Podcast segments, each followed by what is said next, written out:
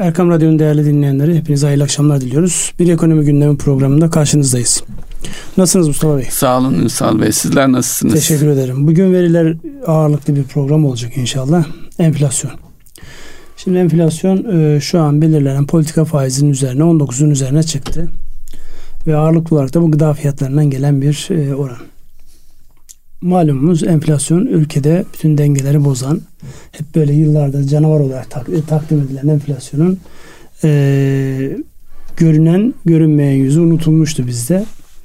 Ama şu an çok net hatırlanıyor. Gelir dağılımı bozuluyor. Zenginler zengin, fakirler fakir. İnsanların harcama sepetleri yetmiyor artık. Eskiden e, belli orandaki bir harcama sepetinin şu anki ücretlerle aynı miktarlarla alma şansı yok. Dolayısıyla bu hayatın her tarafına yansıyor. Yani konfor olmaktan öteye artık bütün dengeleri bozan bir e, hadise haline geldi. Dolayısıyla burada söylenecek bir şeyler var. Buyurunuz. Ne demek istersiniz? Evet, e, enflasyon bir kere 19.25.25 e, çıktı. 1.12'lik bir aylık artış var. Dolayısıyla e, yıl sonuna doğru faiz indirim beklentilerini e, rafa kaldıracak bir gelişme diye e, bakabiliriz. Tabi burada konuştuğumuz gelir dağılımının bozulması e, açısından bakarsak e, şu anki 19,25'lik oranın e, üzerinde olan e, neler var diye bakınca ilk dikkati çeken e, alkol, gıda ve alkolsüz içe, içecekler yüzde 29 artmış. Evet. E, onun altında ev eşyası 22,91 ulaştırma 21,75 lokanta ve oteller uzun zamandır sıkıntısı olan bir sektördü. 21,48 ve konut 19,30 Dolayısıyla bunlar da yani e, ağırlıklı olarak bakıldığında bunlar e, enflasyon üzerinde e, fiyat artışı olan kalemler gerçekten e, insanlarımıza doğrudan dokunan hayatını etkileyen öncelikli kalemler olarak e, görebiliriz. Evet. Yani önümüzdeki dönemde biz onu konuşmaya daha devam edeceğiz. Evet. Yani dolayısıyla buradaki bütün dikkatin enflasyonla mücadele olmak gerektiği konusu tekrar tekrar gündemimize geldi. Evet. Şimdi buradan hareket ettiğimizde e, enflasyona bağlı olarak ya da fiyat artışlarına bağlı olarak geçtiğimiz günlerde e, müteahhitlerin bir boykot kararı vardı.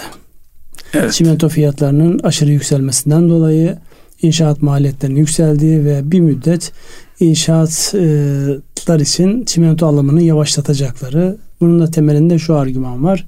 Yurt dışına satılan fiyatla yurt dışına satılan fiyat çok farklı. Dolayısıyla biz içeride mağdur ediliyoruz. E, bunun frenlenmesi gerekir. Hatta bununla alakalı da böyle e, dış ticaretin sınırlanacağına dair e, şu an haberler, görüşler yani henüz daha tam netleşmemekle beraber buna yönelik adımlar var. Şimdi bir taraftan ihracatı büyütmek istiyoruz. Öbür taraftan bugüne kadarki büyümemiz iç talepli oldu. Yani ihracat evet. büyüyor ama asıl bizim büyümemiz ki çarşamba günü açıklanan verilerde de gördüğümüz Tüketim kadarıyla, harcamalarıyla başta. %21'in üzerinde e, ikinci çeyrek büyümesi güzel bir rakam, inanılmaz bir rakam. Ama baktığınız arkasında e, ertelenmiş, ötelenmiş talepler var ve iç talep var burada ağırlıklı olarak. Dolayısıyla e, içeri dışarı farkına baktığınızda ki bugünlerde mesela yine e, bugün zannedersem gördüğüm bir şey e, perakendeciler de AVM'lerde benzer bir boykot kararı alma kiraların indirilmesiyle alakalı. Şimdi üretici fiyatına bakıyorsunuz yüzde 45'lerde yansıtılmamış hala bir yüzde 17-18'lik bir e, hatta 16'lık bir oran var orada.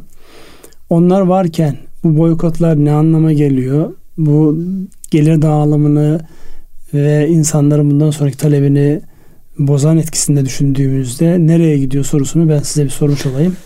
Yani çünkü ihracat güzel, iyi, hoş fakat öbür tarafta içeride bir kavga var.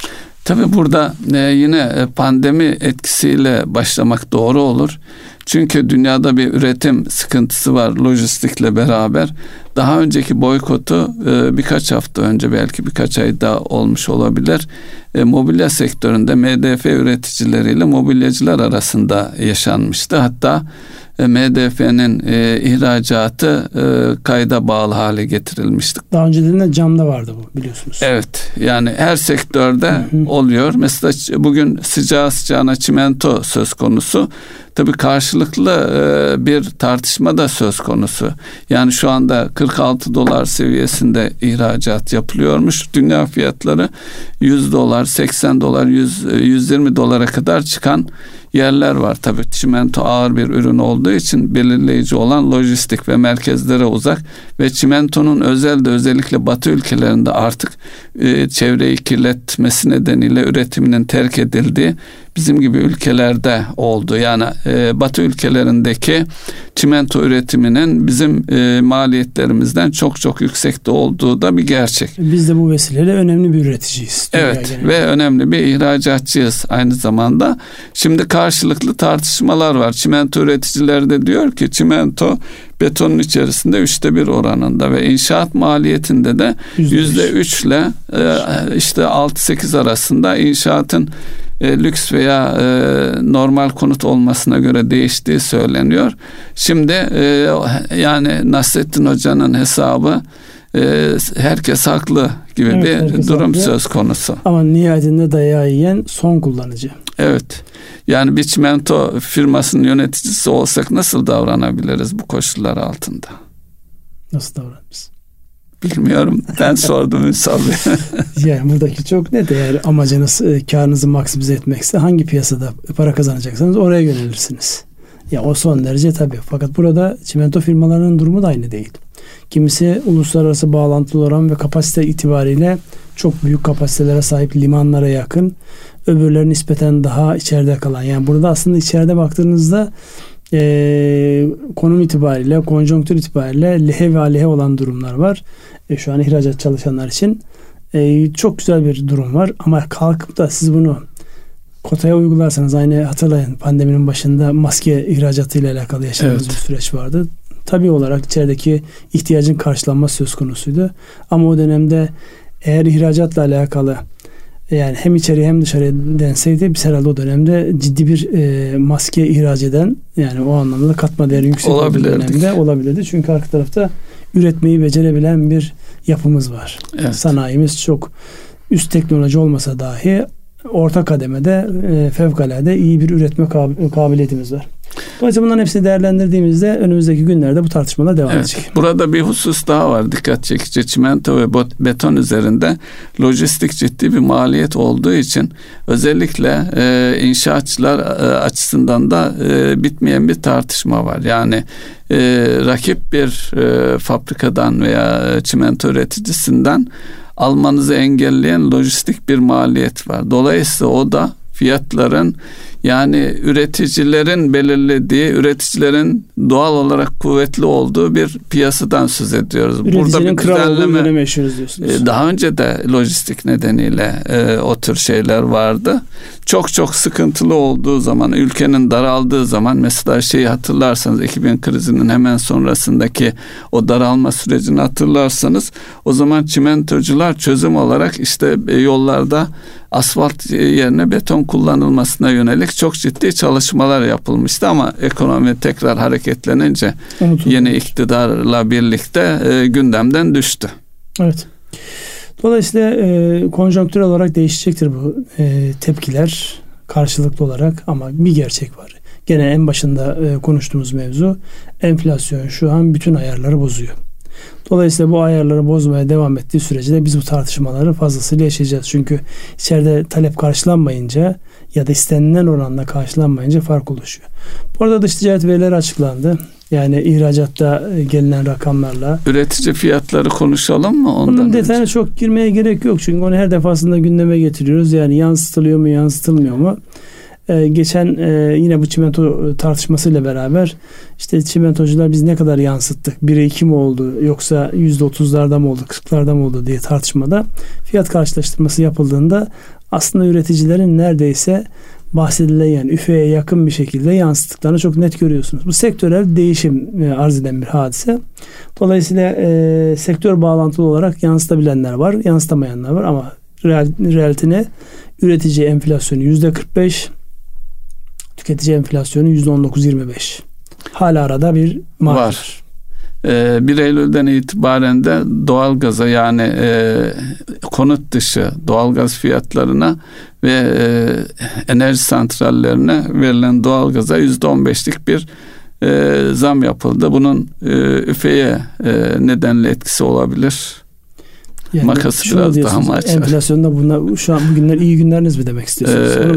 Ee, yani e, önümüzdeki belki bir yıl daha enflasyon evet. herkesin gündeminde olacak. Tabii buradaki özellikle dışsal faktörler hep her defasında onu gündeme getiriyoruz. Dışsal faktörlerin önemi e, ağırlığını korumaya devam ediyor. Çünkü şu an özellikle ham madde fiyatlarını belirleyen biz değiliz. Dünyadaki gelişmelere bağlı olarak sanayi bağlantılı ya da sanayiden hariç ham madde fiyatlarında gıda olsun yani soft commodity ve hard commodity diyebileceğimiz tarafta çok e, sert fiyat artışları var. Bunların da yansımaları dışsal faktör olarak bize gelecektir. Evet, dış ticaret verilerine girecek misiniz? Ee, dış ticaret verileri e, bir saniye e, şuradan açmaya çalışıyorum.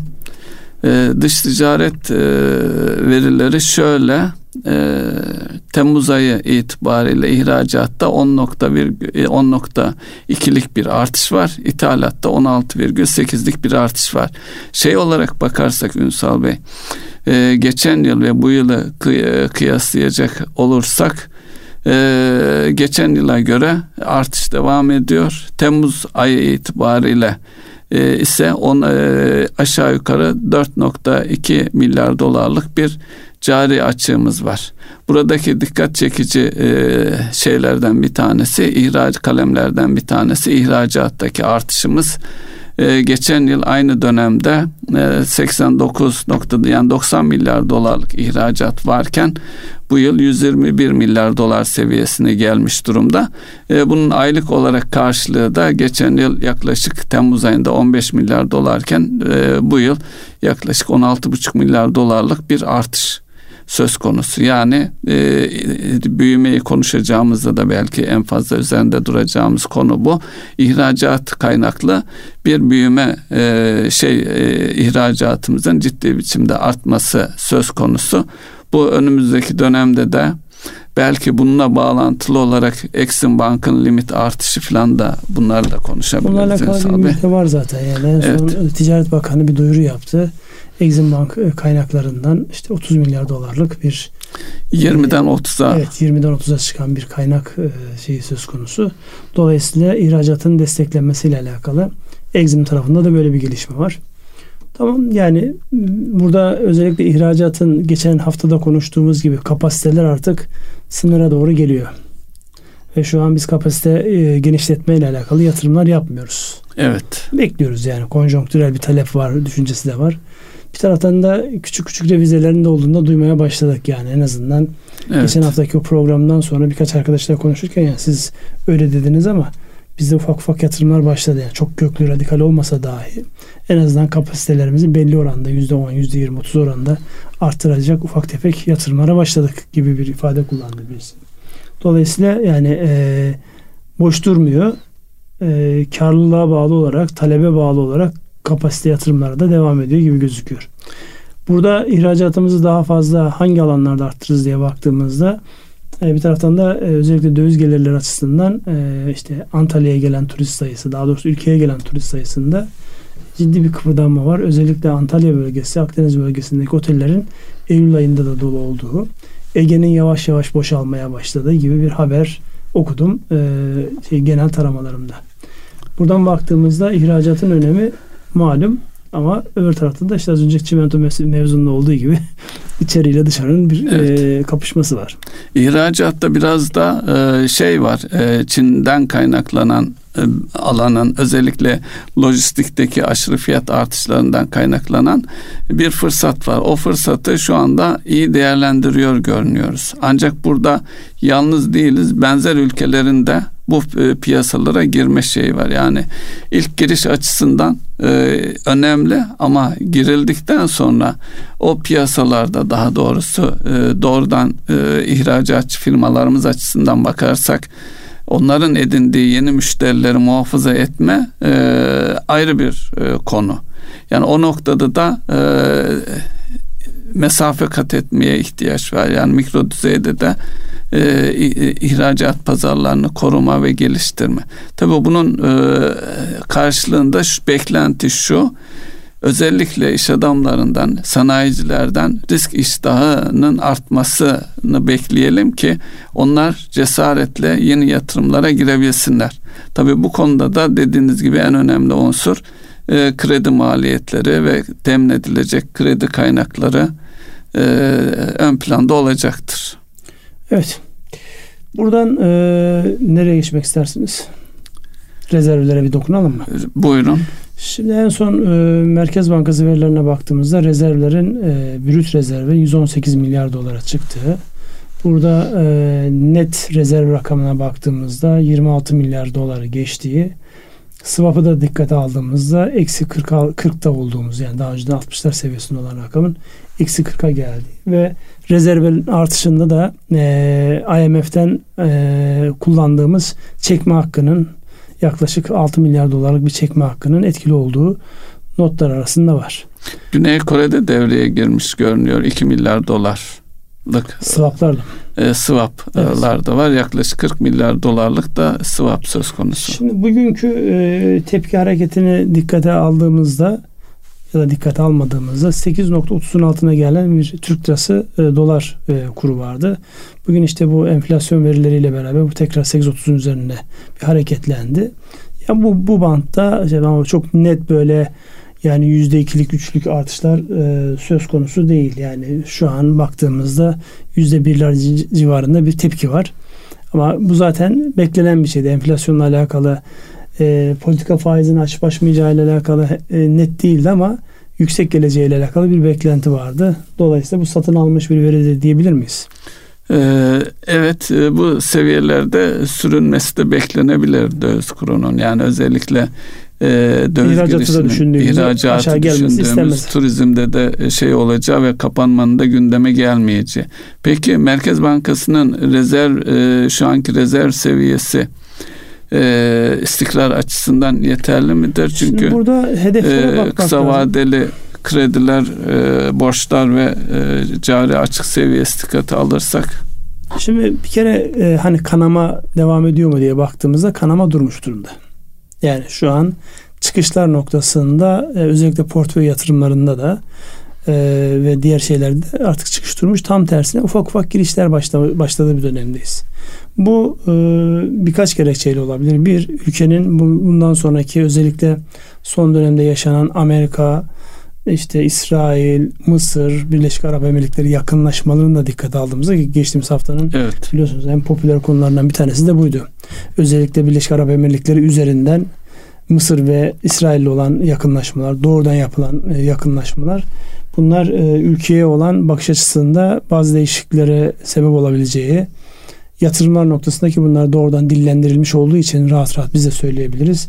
Körfez bölgesinin gelip buraya yatırım yapması noktasında bir hareketlenmenin olacağının işaretleri de var. Dolayısıyla kanama durdu. Şu an pozitife doğru bir geçiş olacaktır. Önümüzdeki günlerde eğer bu anlamda e, doğrudan yatırım olabilir, portföy yatırımı olabilir. Yani döviz girişini sağlayabilecek her adım ya da işbirlikleri anlaşmalar olabilir bu anlamda. işte swap anlaşmaları da buna dahil. Önümüzdeki günlerde dövizin e, daha aşağı gelebilme ihtimaline yönelik işaretler var. Rezervde bu anlamda eğer sizin taahhütlerinizi karşılama noktasında yeni girişler varsa yani ne olacak sorusunu çok fazla sormazsınız. Çünkü giren çıkan birbirini dengeleyecektir orada. Özellikle Cumhurbaşkanı'nın önümüzdeki günlerde 115 milyar doları bulacağız ve geçeceğiz ifadesi e, şu an rakama baktığımızda 118 milyar dolar gibi bir rakam var. Evet. E, net rakama baktığımızda kullanılabilir rakama baktığımızda 26 milyar dolar gibi bir rakam var. Dolayısıyla eğer kanama durduysa bunun e, lihem aleyhem olduğunu tartışmanın çok fazla bir anlamı yok. Önemli olan bundan sonraki girişlerin nasıl olacağı, yani kısa vadeli olarak portföy yatırımı olarak mı gelecek yoksa uzun vadeli e, stratejik yatırım olarak mı gelecek onu önümüzdeki günlerde evet. göreceğiz. Yine rezerv bağlantılı olarak belki e, Exim Bank reeskont kredilerini değerlendirebiliriz. Orada yüzde 50'lik bir artış var. Bir kere bu e, iki taraftan özellikle ihracatçıların işini kolaylaştıran belki onlara yatırım iştahını da artıracak bir fırsat sunuyor.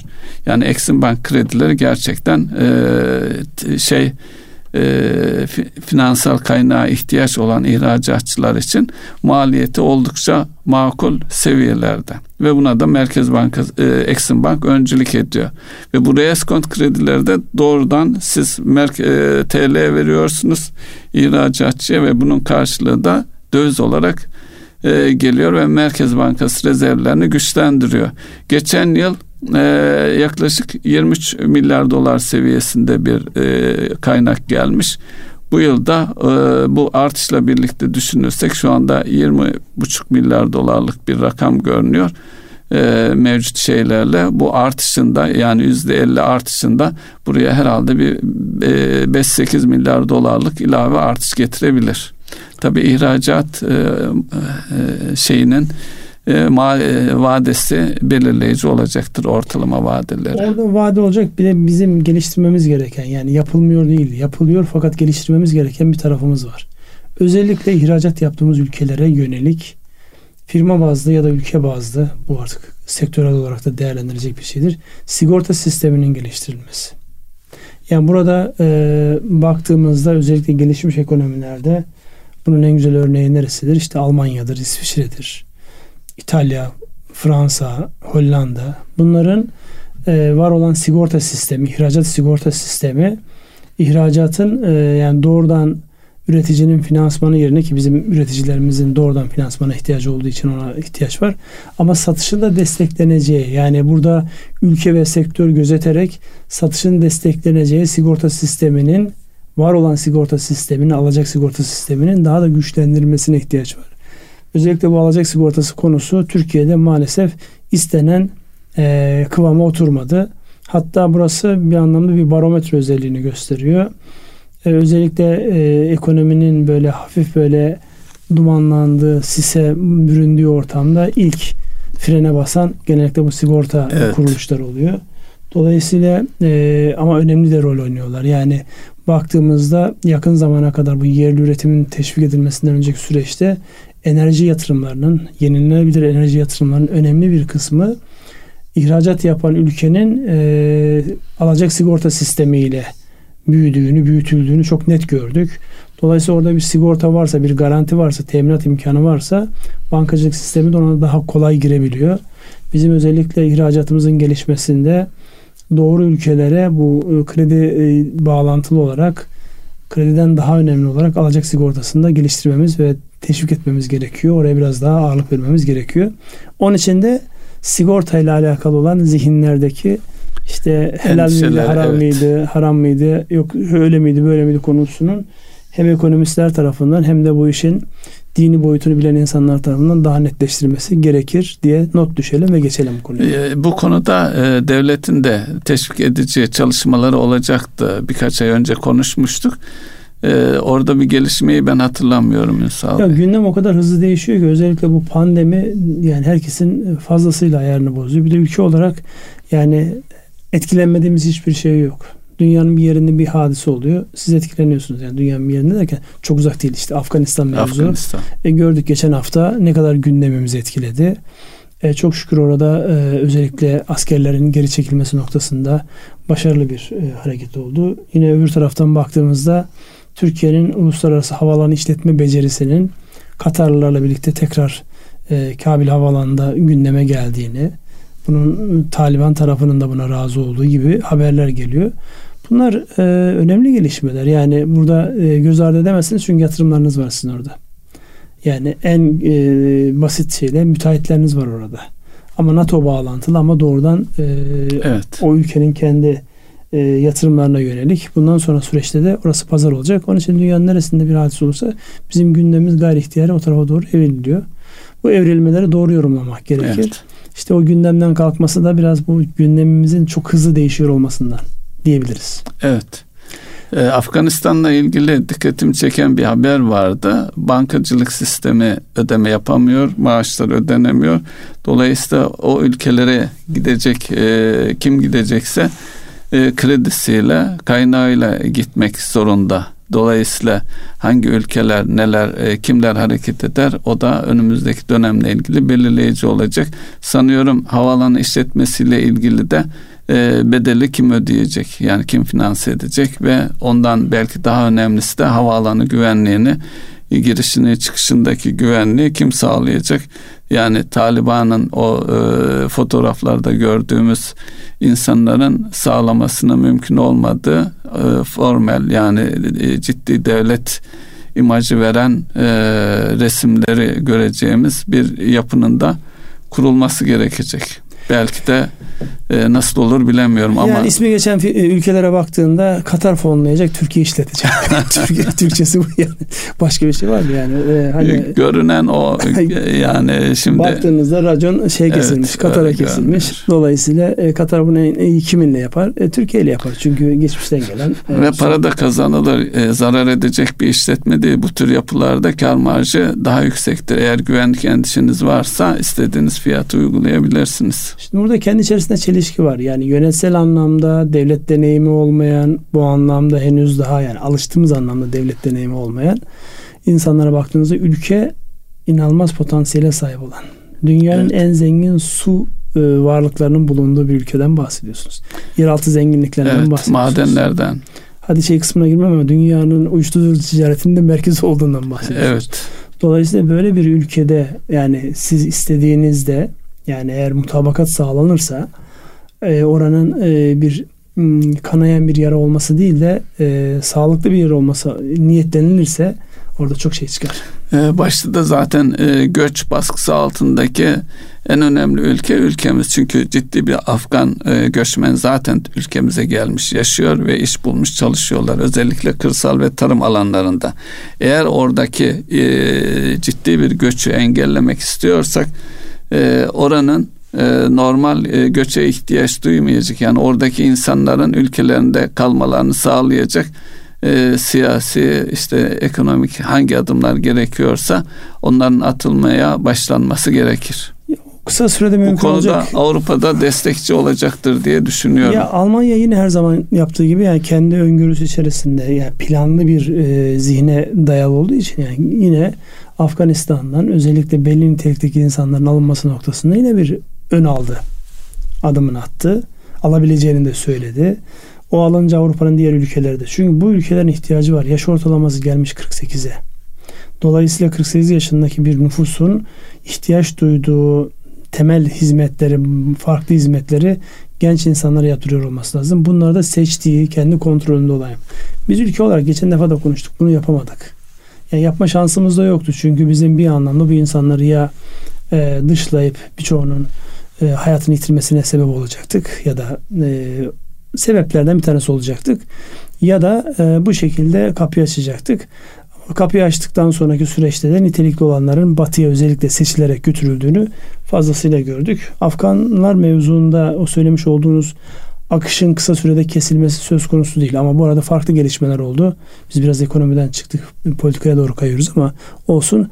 Özellikle Özbekistan'da ciddi problem yaşamaya başladılar. Yani e, Afgan ordusunun yani Taliban gelmeden önceki Afgan ordusunun önemli denebilecek insanların Özbekistan'a araç gereçleriyle beraber geçmiş olması bu anlamda işte Afganistan'da Özbekistan arasında bir çatışma Uçaklarıyla hatta. Uçaklarla, helikopterlerle. Dolayısıyla bu e, çevreyle iyi yönetilmesi gereken e, süreç.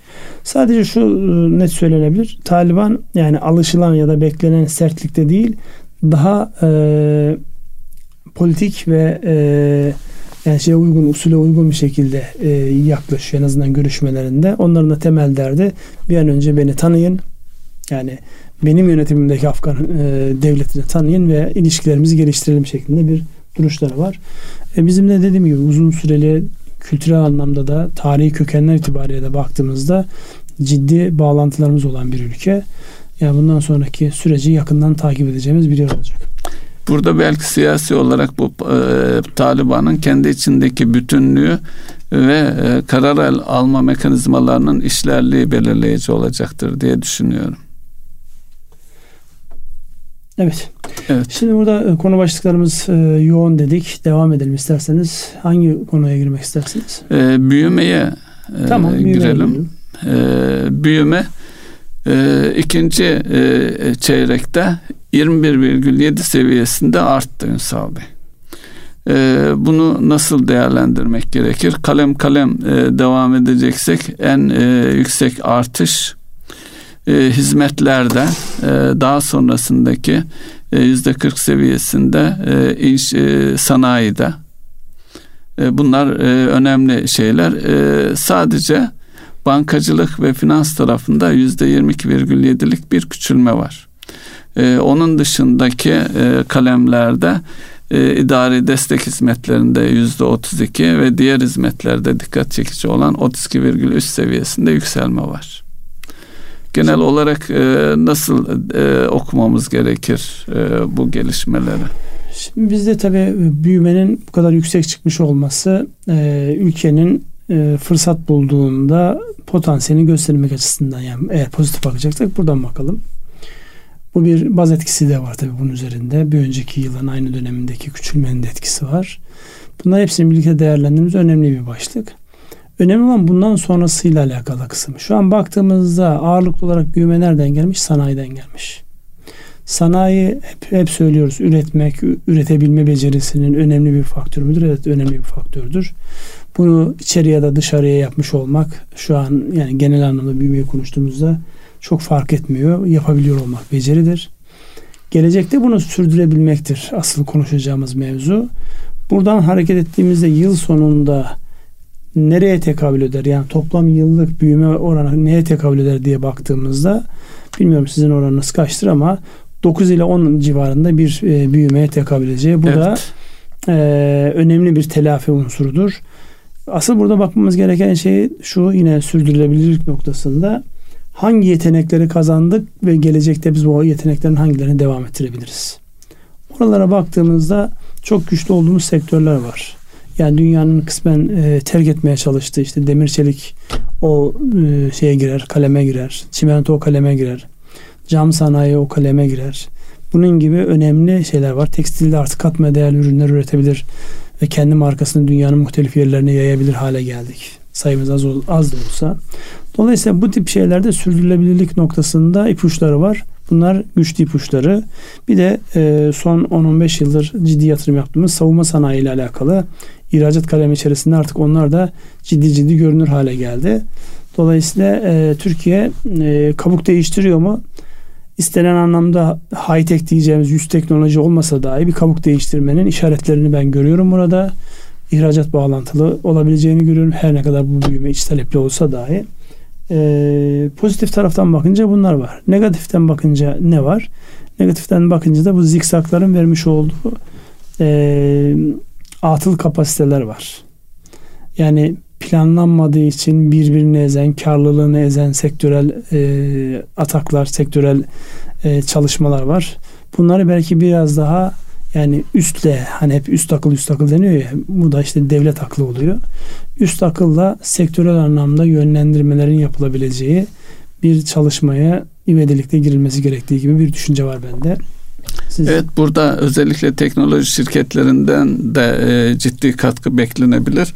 E, geçen yıl ilan edilmiş 1 milyon e, insan yetiştireceğiz hedef vardı e, özellikle son yıllarda yani dünyada da bizim teknoloji şirketlerine baktığımızda hem parakende de bu e, trend yol ve e, şey hepsi getir burada. hepsi burada bunların ciddi bir etkisi bir de oyun sektöründe e, bir hareketlenme oldu.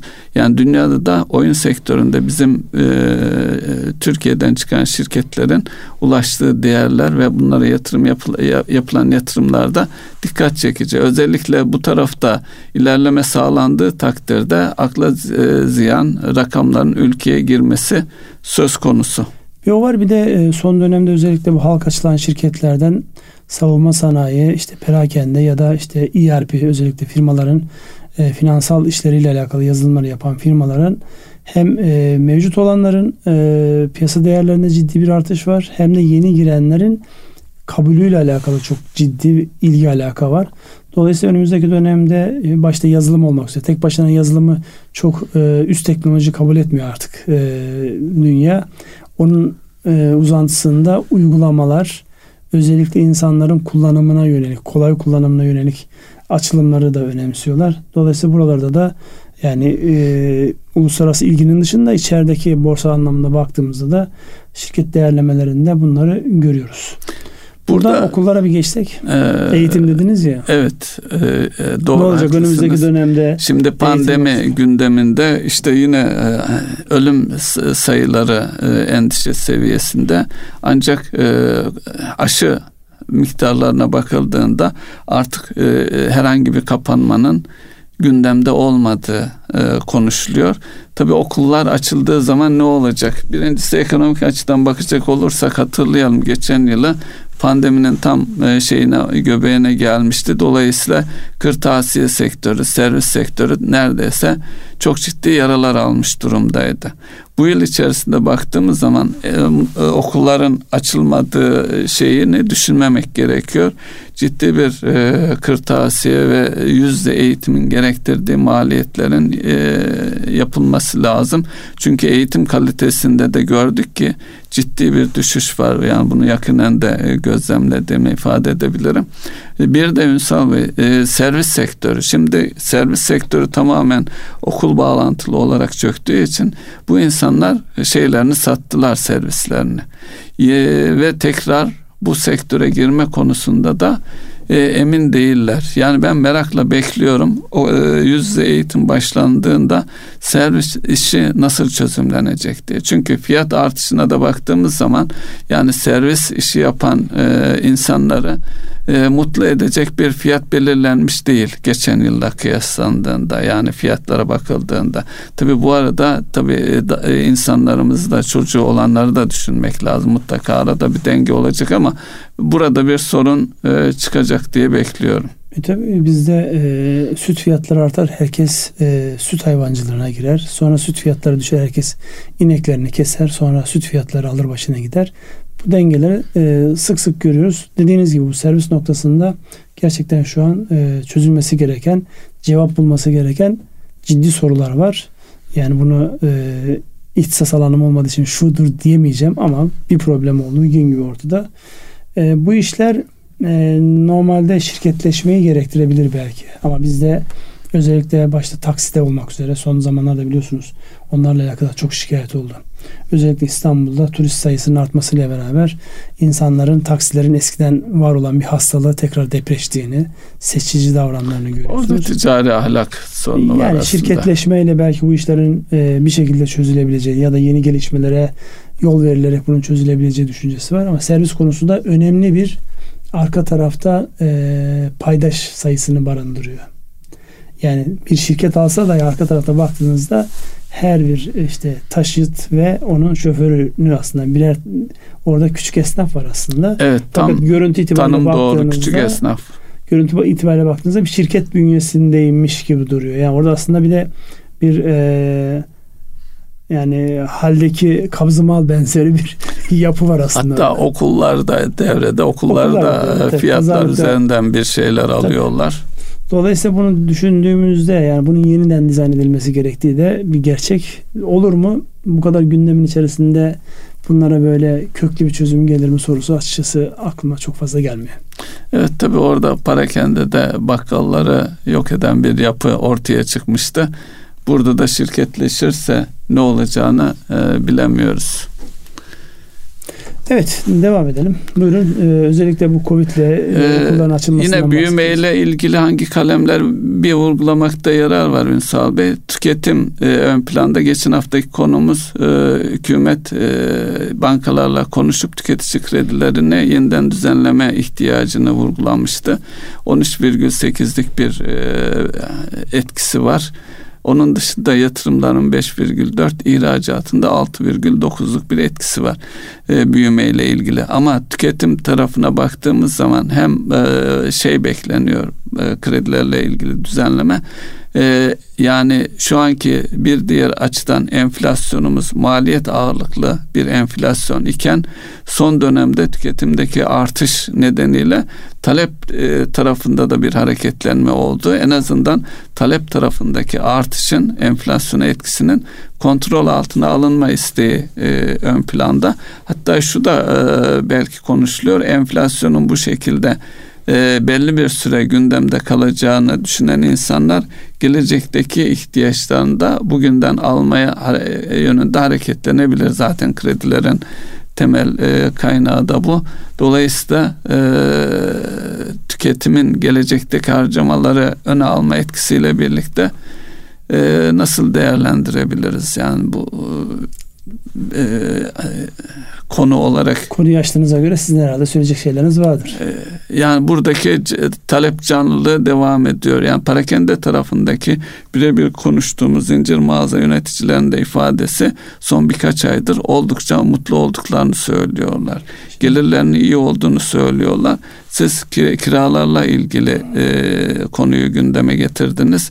Tabii e, bunu söylerken arka planda da o AVM'lerin yapılmasında çoğu döviz evet. kredileriyle yapıldı. E, döviz kredilerin bu seviyesini düşünürsek e, o yapılarında kendilerine e, borçlarını ödeyebilmek için kiraları artırmak, gelirlerini artırmak dışında da bir yol görünmüyor.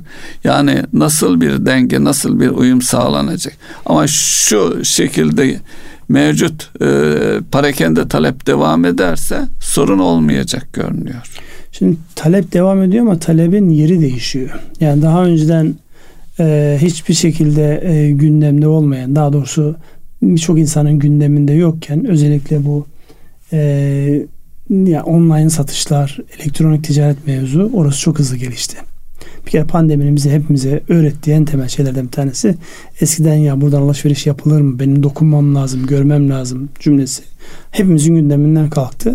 Herkes kendine göre bir yöntem değiştiriyor. Özellikle tekstil ürünleri satıyorsanız aynı üründen ya da birbirine benzer üç tane ürünü siparişini veriyor.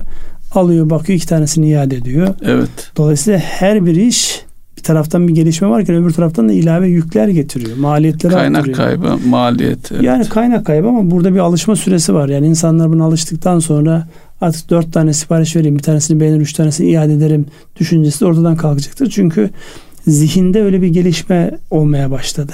Yani nedir o gelişme? Yani bir kere aldığından kendisine iş çıkarmamak aslında ama bunu tabi hobi haline getirip e, onu da deneyeyim bunu da deneyeyim diyen insanlar olabilir. Dolayısıyla burada bir kere kanal değişti. Kanalın değişmesiyle beraber e, daha önceden işte üşenip buradan kalkıp markete kim gidecek diyen insanlar oturdukları yerden sipariş verebiliyorlar. Bu da perakendenin yön değişmeyle beraber talebin devam ettiği. Ama buradaki temel sıkıntı şu. Az önce o konuşmuş olduğumuz, en başta konuşmuş olduğumuz enflasyonla beraber toplumdaki gelir dağılımı ile alakalı çok ciddi bir e, uçurum oluşmaya başlıyor. Yani insanlar bankalarda bu anlamda frene bastığında yani mevcut e, refah seviyesini devam ettirebilmesi için insanların borçlanmak gibi bir eğilim ortaya çıkıyor. Ya da daha fazla borçlanmak gibi bir eğilim ortaya çıkıyor. Bunların da işte birlikte düşünülmesi gerekiyor. Yoksa perakende sektörü şu an e, fevkalade cazip, sunum itibariyle çok cazip. Hiç ihtiyacınız yokken sizin önünüze düşen işte bir tane e, internette gezdiğinizde daha önceden merak edip baktığınız bir şeyin alternatiflerin gelmesi cezbediyor. Gündeminizden çıkmış bir ürünü alır hale gelebiliyorsunuz. Evet ya da sohbetini ediyorsunuz. Bir gün sonra e, konuştuğunuz e, konuyla ilgili önünüze reklam düşüyor. O zaten ayrı bir sıkıntı. Yani artık telefon e, ara sıra böyle açılıp e, bir dakika diyor size dinleyeceğim falan diyor. Şaşırıyorsunuz tabii. O ayrı bir ayrı bir teknoloji ayrı bir bela yani ona, ona, girmeyelim isterseniz. Ee, peki. Siz e, ikide bir eğitime giriyoruz diyoruz sonra eğitimden vazgeçiyorsunuz. Önümüzdeki günlerde eğitim ekonomisinin büyüklüğünden, servislerden peki okullar ne olacak? Şu an mesela okullardaki zorunlu mu olacak? Bu PCR testleriyle alakalı çok sert çıkışlar falan yapıldı ama şu anda böyle çok sert cümleler gelmiyor. Ne olacak yani? Aşısını yaptırmamış. Ee, o da ciddi bir handikap. Yani şimdi e, okulda e, bir öğrencide Covid çıktı diyelim. Ne olacak? Evet ne olacak? Yani ne olacak? Sizin geçen hafta Çin örneğiniz vardı ya limanda bir tane adam da evet, koyutmuşlar evet, bütün limanı, limanı kapatmışlardı. Şimdi e, e, okul e, en azından o sınıf kapanacak mı? O servise binen öğrenciler ne yapacak? Yani, olay sadece sınıftan mı ibaret? Öğrenci sadece sınıfına mı giriyor çıkıyor? Başka bir şey yapmıyor. Servis var mesela. Serviste mesela uygulama her öğrenci için tahsis edilen yer neyse herkes oraya başka bir yere oturmayacakmış. Bunu çocuklarda nasıl sağlarsınız bilmiyorum yani. Ya, Oradaki şoför şoförlere, hosteslere yani iş düşüyor demek. Küçük yok ama küçük çocuğu olan insanlarda hatta yani korku biraz üst seviyeye çıkmış diye bir e, bir şey dinledim. Yani eskiden çok umursamayan çocuk maskesini çıkarmıyor. Evde bile maskesini çıkarmıyor. Sürekli işte dezenfektanlarla şey yapıyor. Yani bu aslında bir taraftan da böyle fazla farklı travmalar yaşayan bir e, nesli getiriyor. Ama o yaşta bu e, kadar sert hassasiyetler gelecekte o çocukların evet. hayatını zehir edebilir yani. İşte bunlar artık e, pedagogların, psikologların e, ihtisas alanına giren konular. Ama ekonomik anlamda baktığımızda önümüzdeki günlerde okulların açılmasıyla beraber yine çokça konuşacağımız özellikle e, günlük vaka sayısı ve ölüm sayılarını herkesin e, fazlasıyla dikkat kesileceği bir sürece giriyoruz. Girdik. Gireceğiz. Artık hangi cümleyi kuracaksanız Evet, Oradayız şu an yani oraya gelmiştim. Aşı hakkında ne düşünüyorsunuz Ünsal Bey? Yani okulların açılması bendeki beklenti PCR test zorunluluğu, zorunluluğunun aşıları artıracağı yönünde. Yani hastalık geçirmiş, iki aşısını yapmış birisi olarak yani e, ben o süreci yaşadığım için dolayısıyla kimsenin yaşamasını istemem ama öbür taraftan da insanların özgür iradesi var. Kendilerince geliştirdikleri argümanlar var. O argümanları ikna edecek açıklamalar yani çok böyle inatlaşma değilse e, mecburen olacaklardır. Dün bir bankacı arkadaşla konuştuk. Bir bankada üst düzey yönetici. Henüz daha aşı olmamış. Yaşamamış da. Ama banka bu arada e, zorunlu getirmiş. Mecburen diyor gidip olacağım. Sebebi de kendisinin işte astım ve benzeri rahatsızlıkların olduğundan dolayısıyla aşının kendisinde farklı e, semptomlara sebep olacağı gibi bir gerekçenin arkasında duruyor. Şimdi bu hani buna da saygı göstereceksiniz ama herkesin aşı yaptırdığı bir yerde senin o şansın yok yani. Eğer gerçekten bunu haklı kılacak bir gerekçen, sağlıkla alakalı bir şeyin yoksa e, olacaksın. Aksi takdirde diğer insanları tehdit ediyorsun. İnşallah. İnşallah. Siz galiba aşılarınızı yaptırdınız. E, ben üçüncüyü de oldum. Yani diyorsun sağlam olsun diye üçlü üçleri. E, yok ben, e, ben şey devletin koyduğu kurallara inanıyorum ve o yönde hareket ediyorum. Harfiyen uyuyorum diyorsun. Evet. İyi hadi bakalım. Evet programın yavaş yavaş sonuna geldik. Yine bir sürü konuya böyle değindik. Ne kadar derinlemesine girebildik onu e, sonradan anlayacağız. Dinlediğimizde, gördüğümüzde, insanlardan aldığımız tepkilerde göreceğiz bunları. Buyurun. Ee, buyurun Ünsal Bey. Erkan Radyo'nun değerli dinleyenleri bir ekonomi gündem programının daha sonuna geldik. E, dilimizin döndüğünce haftalık gelişmeleri ve öne çıkanları size aktarmaya çalıştık. Hayırlı akşamlar diliyoruz. Hayırlı akşamlar.